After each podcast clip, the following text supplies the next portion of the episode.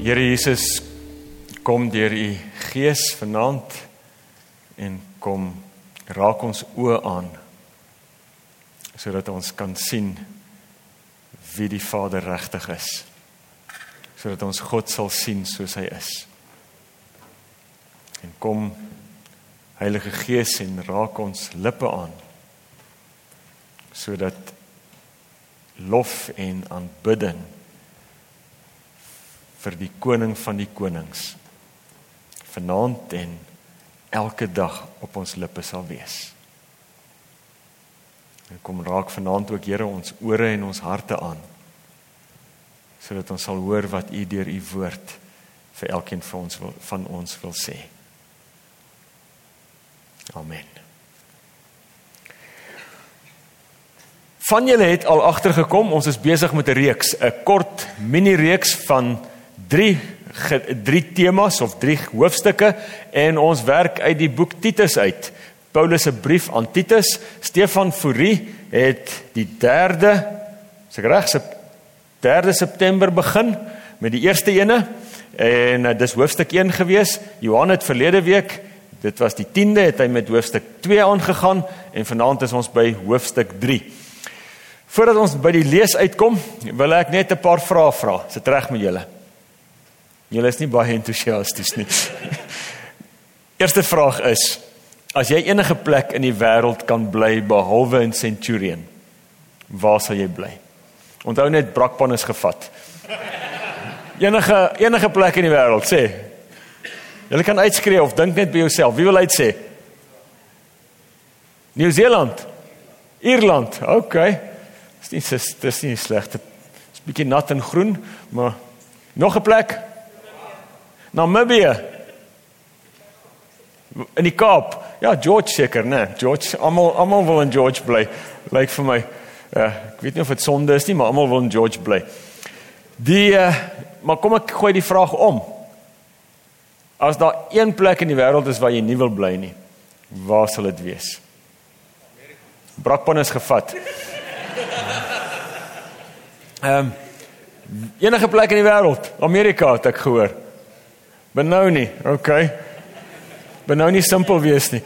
Uh Nog iets? Enige plek? New York. Ja, ek dink ook ek sal daar wil bly nie. Seel nie mense slaap nooit lyk like my daar nie. Nog iets? Quebec, Queberga. Ja. PE. Ja, die wind is bietjie wil daar. Maar so van slegte plekke gepraat. Ek wil vir jou waarborg van wat Stefan die eerste aand gesê het toe hy gepraat het oor Titus en oor die eilandjie Kreta in die tyd toe Titus daar geleef het. Dis 'n plek waar jy nie wil bly nie. Erger as Brakpan. En een, enige erger is enige plek wat jy nou opgenoem het. Kreta was 'n hier is hier is die woorde wat ek het. 'n die ergste woorde wat ek het. 'n aaklige plek dit is 'n vieslike plek gewees. Dit kyk as as jou eie mense begin slegte goed van hulle self sê, dan moet jy weet dis nie 'n lekker plek nie. Daar in vers 12 staan daar een van die Kretensers, dis nou die mense wat in Kreta bly, se eie mense, is hoofstuk 1, ek is by hoofstuk 1 vers 12. Een van hulle eie mense, 'n profeet het gesê die Kretensers is altyd In ons huis sê ons ons mag nie sê altyd nie, maar hierdie ou het gesê Hulle is altyd leenaars, ongediertes en lui vrate. Dis hulle eie mense wat dit sê en dan reageer Paulus daarop is nogal oulik. Dan sê Paulus daar en daai getuienis is waar. So hulle is regtig so gewees. Dit's nie nice mense nie. So Kreta was 'n aaklige plek. Maar en hier's die amazing ding. Deur die Here se genade het daar in hierdie aaklige plek het daar van hierdie lui ongediertes leenaars tot geloof in Jesus gekom. En en so daar in hierdie see van gemors het daar 'n klomp gemeentetjies ontstaan. Dit is amper soos eilandjies in 'n see van gemors het daar hierdie klomp gemeentetjies ontstaan. En dis nou die rede hoekom Paulus vir Titus in Kreta agtergelaat het. Want hy moes daar wees om hierdie gemeentes te begelei. Hy moes daar wees om hulle te ondersteun, om hulle aan te moedig, om hulle te help, want jy kan vir jou indink, hoe is dit? Hoe moet dit wees om kerk te wees in hierdie see van gemors? Aaklige plek. En dan terwyl Titus daar sit in Kreta sit, dan skryf Paulus vir hom hierdie brief. En hierdie brief skryf Paulus vir hom want hy wil vir Titus 'n strategie gee. Of eintlik nie vir Titus nie, hy wil vir die kerk, deur Titus, wil hy vir die kerk, hierdie klomp gemeentetjies wat nou daar ontstaan het, hy wil vir hulle 'n strategie gee om hierdie feestelike samelewing waarin hulle leef te infiltreer met die goeie nuus van Jesus. Of kom ek sê dit anders, hy wil vir hy wil vir hulle 'n strategie gee om Jesus bekend te stel aan hierdie mense in hierdie feestelike plek. En dit en dit gebeur hoofsaaklik in hoofstuk 2. In hoofstuk 2 gee Paulus vir vir die, vir die gemeente en vir Titus om dit aan die gemeente oor te dra, gee hy vir hom 'n baie eenvoudige strategie. Hy sê dood eenvoudig en ek oorvereenvoudig dalk, maar as ek dit reg verstaan dan sê hy net een ding ouens. Of jy nou oud is of jonk is, of jy man is of jy vrou is, of jy slaaf is en vry is, hier's die strategie. Leef reg. Dis al. So een eenvoudig soos dit. En lef reg leef beteken as jy hierdie gaan lees, beteken dat jy leef in gehoorsaamheid aan Jesus. In kerk sonder mure se taal sou jy sê reg leef beteken dat jy die Jesus lewe leef, dat jy die lewe leef op Jesus se manier. En wanneer jy dit doen sê Paulus, as jy vers 10 hoofstuk nou ons by hoofstuk 2, hoofstuk 2 vers 10 gaan kyk, dan staan daar as jy reg leef, as jy die Jesus lewe leef, dan sal dan sal jy deur alles wat jy doen die aansien van die leer van God ons verlosser verhoog. As jy reg leef, dan sal die mense goed dink van Jesus. As jy reg leef, sal mense van Jesus hou. As jy reg leef, sal mense aangetrek word tot Jesus. Want jy sien Paulus het het baie mooi verstaan En hy dit en dit wil hy vir vir Titus oordra dat 'n mens nie net mense aan Jesus bekendstel en as as jy vir hulle van Jesus vertel nie. Natuurlik moet ons vir hulle van Jesus vertel. Hoe sal hulle anders hoor? sê Paulus in Romeine 10. Ons moet vertel, maar ons kan nie vertel sonder 'n regte lewe, 'n lewe op Jesus se manier wat daarmee saamgaan nie. Dis soos wanneer ek vir iemand vertel van Jesus as die verlosser, as my verlosser, dan kan hulle dalk vir my vra en ek hoop hulle vra vir my, wys my jou lewe. Wys my hoe hierdie Jesus jou lewe verander.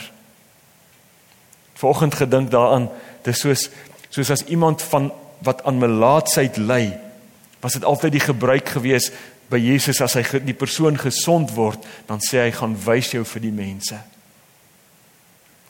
As jy vir iemand vertel van Jesus die goeie verlosser wat jou lewe verander het, dan mag hulle dalk vir jou vra, wys my jou veranderde lewe. Sien Paulus het hierdie ding verstaan. Die krag natuurlik van ons woorde, maar die krag van 'n verloste lewe, die krag van 'n lewe wat deur Jesus nuut gemaak is. Dis die strategie. En dit sê hy nou Titus, sê dit vir die gemeentes, dis wat hulle moet doen. Maar as hulle sukkel, dan kom ons by hoofstuk 3. As hulle sukkel, dan moet jy hulle aan aan drie dinge herinner. En nou gaan ons lees in hoofstuk 3 vers 1 en 2 kry ons die eerste ding waar waar aan Titus die gemeente moet herinner. Dan in vers 2 staan 1 in vers 1 staan daar herinner die mense nadruklik daaraan dat hulle hulle aan die owerheid en gesag moet onderwerp, daaraan gehoorsaam moet wees en bereid moet wees om alles te doen wat goed is. Hulle moet van niemand van niemand kwaad praat nie en nie risie soek nie. Hulle moet inskikkelik wees en altyd bedagsaam teenoor ander. So die eerste ding wat Paulus vir Titus sê om die gemeente te aan herinner, hy sê herinner hulle daaraan dat hulle 'n plig het. Herinner hulle aan hulle pligte. En die eerste plig wat hulle het, daar's twee pligte. Die eerste plig wat hulle het is wees gehoorsaam. Wees gehoorsaam aan alle gesag wat oor jou aangestel is. En ons kan maklik 'n kop uit hier kry, maar eh, in in sê maar ons regering en die gesag wat oor ons aangestel word is nie altyd great nie. Hierdie is krete ouens. Hulle was leenaars, hulle was skurke ongediertes. En Paulus sê wees gehoorsaam aan hulle. Wees gehoorsaam aan alle gesag behalwe as daar van jou verwag word om sonde te doen. En die tweede plig is is eintlik waarop ek wil klem lê vanaand. Die tweede plig is jy is verplig om sagmoedig te wees. Dis een van die vertalings sê dit so mooi om sagmoedig te wees, nie teenoor die ouens wat jy wil nie, maar om sagmoedig te wees. Die Engelse woord is om kind te wees teenoor almal met wie jy te doen kry. En jy sien Paulus het baie mooi verstaan. As ons mense met die goeie nuus van Jesus wil bereik, as ons Jesus aan mense wil bekendstel, dan gaan dit nie gebeur as ons hulle veroordeel en verwerp en afskryf nie. Hy het verstaan as ons mense wil bereik met die goeie nuus van Jesus, dan moet ons hulle lief hê, dan moet ons hulle aanvaar, dan moet ons hulle nie veroordeel en afskryf nie, maar dan moet ons hulle met liefde en respek en hierdie mooi Engelse woord kindness hanteer. Ek dink ons Christene, ons gelowiges maak een baie groot fout. Dit lyk vir my so. Dit lyk vir my ons dink dat mense wat Jesus nie ken nie. Mense wat Jesus nog nie ken nie. Dit lyk vir my partykeer ons dink hulle is ons vyande. Maar dis nie die Bybelse boodskap nie. Hulle is nie ons vyande nie. Hulle is God se ander kinders. Hulle is God se kinders wat weggeraak het en vir wie Jesus gekom het en vir wie Jesus lief is met dieselfde liefde waarmee hy my liefhet. As ek na die sosiale media kyk en ek sien hoe Christene aanvalle loods op nie-Christene. Ek sien hoe Christene op in die sosiale media verwerp en veroordeel en afskryf en beledig. Partykeer selfs vervloek. dan sal vir my ergens 'n kortsluiting. Want want hoe dink ons? Hoe dink ons gaan mense wat nie in Jesus glo nie, hoe dink ons gaan hulle in hom begin glo? As ons verwerp en afskryf en beledig terwyl Jesus die een is wat aanvaar en nader trek onvoorwaardelik liefhet sy lewe af lê. As ons so optree, hoe kan ons so 'n verlosser bekendstel? Ons gaan hom miskyk. Ons gaan hom misloop as dit is hoe ons is, hoe ons optree. Iemand sê baie mooi as ek die Jesus lewe leef then I value others with the heart of Christ, with the heart of Jesus. As Jesus se hart in my binneste klop, dan beledig ek nie, dan bid ek. As Jesus se hart in my klop, dan skryf ek nie af nie, dan trek ek nader. As Jesus se hart in my klop, dan verwerp ek nie dan huil ek oor mense sonder Jesus.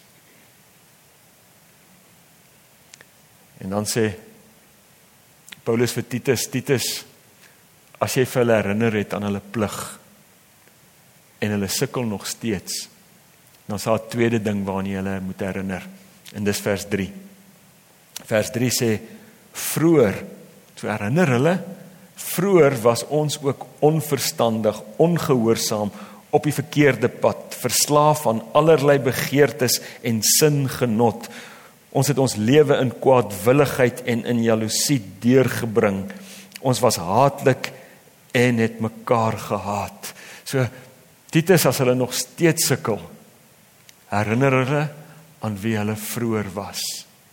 Om dit anders te sê, herinner hulle daaraan as hulle iemand sonder Jesus sien en hulle sien daardie persoon maak droog en hulle sien daardie persoon se lewe is in 'n gemors, herinner hulle daaraan dat dit hulle is sonder Jesus. Jy dan al, al so daaraan gedink. As jy iemand mee te doen kry, maak nie saak waar nie en daardie persoon se lewe is in 'n verskriklike gemors. Dis jy. Sonder Jesus en sy goedheid. Dis jy sonder Jesus se genade. En daarom sê Paulus vir hierdie gemeente vir vir Titus herinner hulle aan wie hulle was. Want as jy onthou wie jy was, dan is jou hart vol dankbaarheid. As jy onthou wie jy was, dan is jou hart vol kindness. Want jy onthou dit was ook jy. En as jy onthou wie jy was, dan is jou hart vol nederigheid. En as jy onthou wie jy was, dan leer jy om te glo, want as God dit in my lewe kon doen, dan kan hy dit verseker ook in iemand anders se lewe doen. So Timoteus as hulle sukkel, herinner hulle aan wie hulle was, aan wie hulle vroeër was. Maar as hulle dan nog steeds sukkel, dan moet jy hulle aan 'n derde ding herinner en dit kry ons in vers 4 tot vers 7.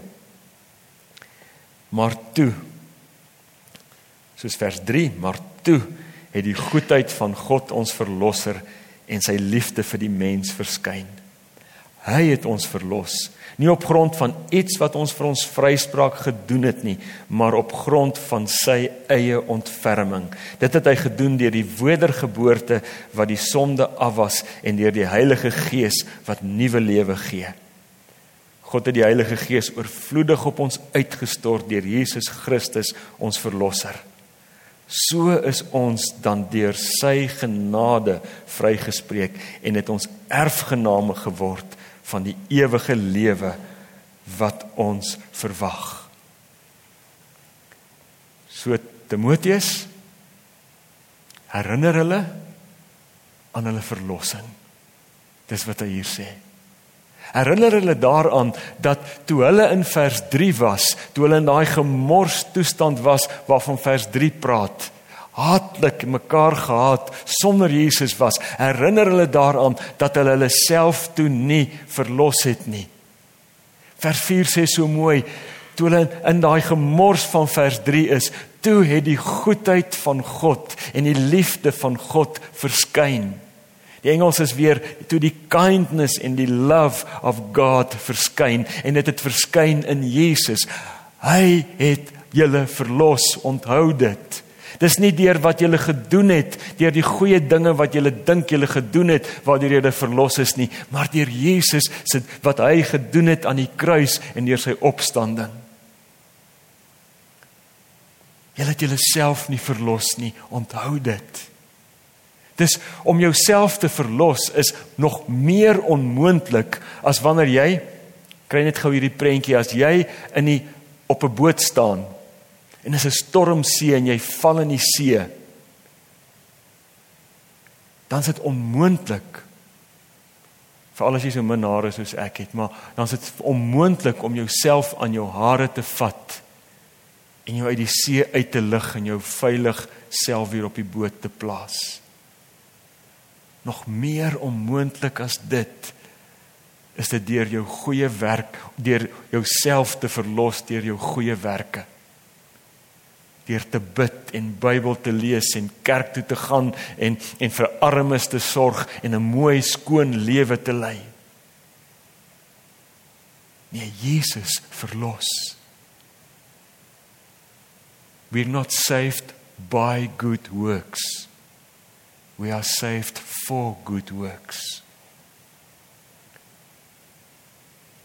Genade het God deur Jesus ons verlos. So as jy dalk weer by 'n plek in jou lewe kom waar jy woedend is vir mense sonder Jesus. As jy by 'n plek in jou lewe kom waar jy weerstand het vir mense sonder Jesus. Onthou wie jy was. Onthou wie jy vroeër was. Voordat Jesus jou lewe verander het. Voordat Jesus jou verlos het. Onthou jy's nie beter nie. Jy's begenadig. Nie beter nie begenadig. Onthou dit. En nou is die vraag vanaand as jy dan sê ja, ek wil. Ek wil Jesus, ek wil mense aan Jesus bekendstel. Ek wil ek wil ek wil die goeie nuus van Jesus deel met mense. Onthou dan net hierdie ding. Leef reg. Dis die strategie. Leef reg in jou huis. Leef reg by jou werkplek. Leef reg in al die verhoudings waarin jy staan. Leef reg. En onthou. Onthou jou plig jou plig om gehoorsaam te wees en om kind te wees. Sagmoedig te wees. Onthou wie jy vroeër was. Onthou wie jy sou wees sonder Jesus. En onthou wie jou verlos het. Dit was nie jy nie. En onthou hoe hy dit gedoen het deur sy lewe te gee aan 'n kruis vir jou.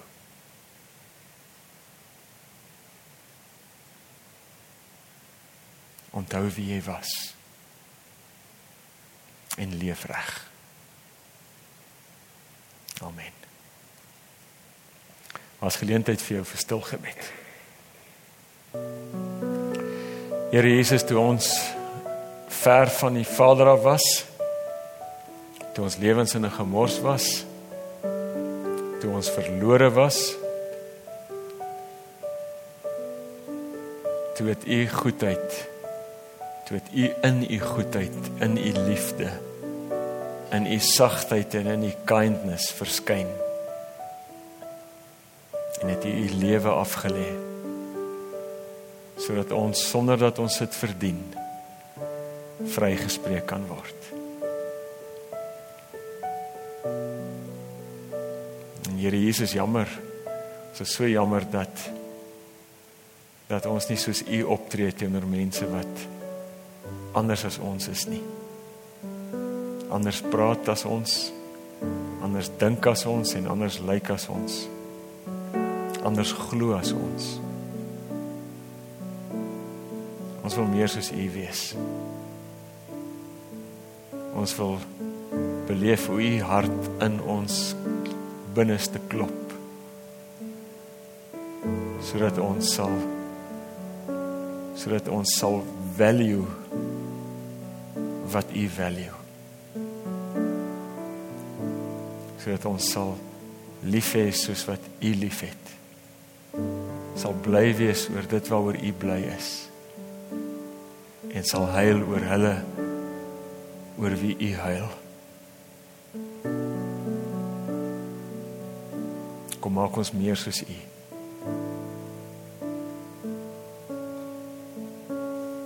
Kom leer ons hoe om reg te lewe. Om die Jesus lewe te leef. Sodat hy ons hulle wat weggeraak het nie verder sal wegstoot en sal verwerp nie, maar sodat ons hulle nader sal trek na U, Here Jesus.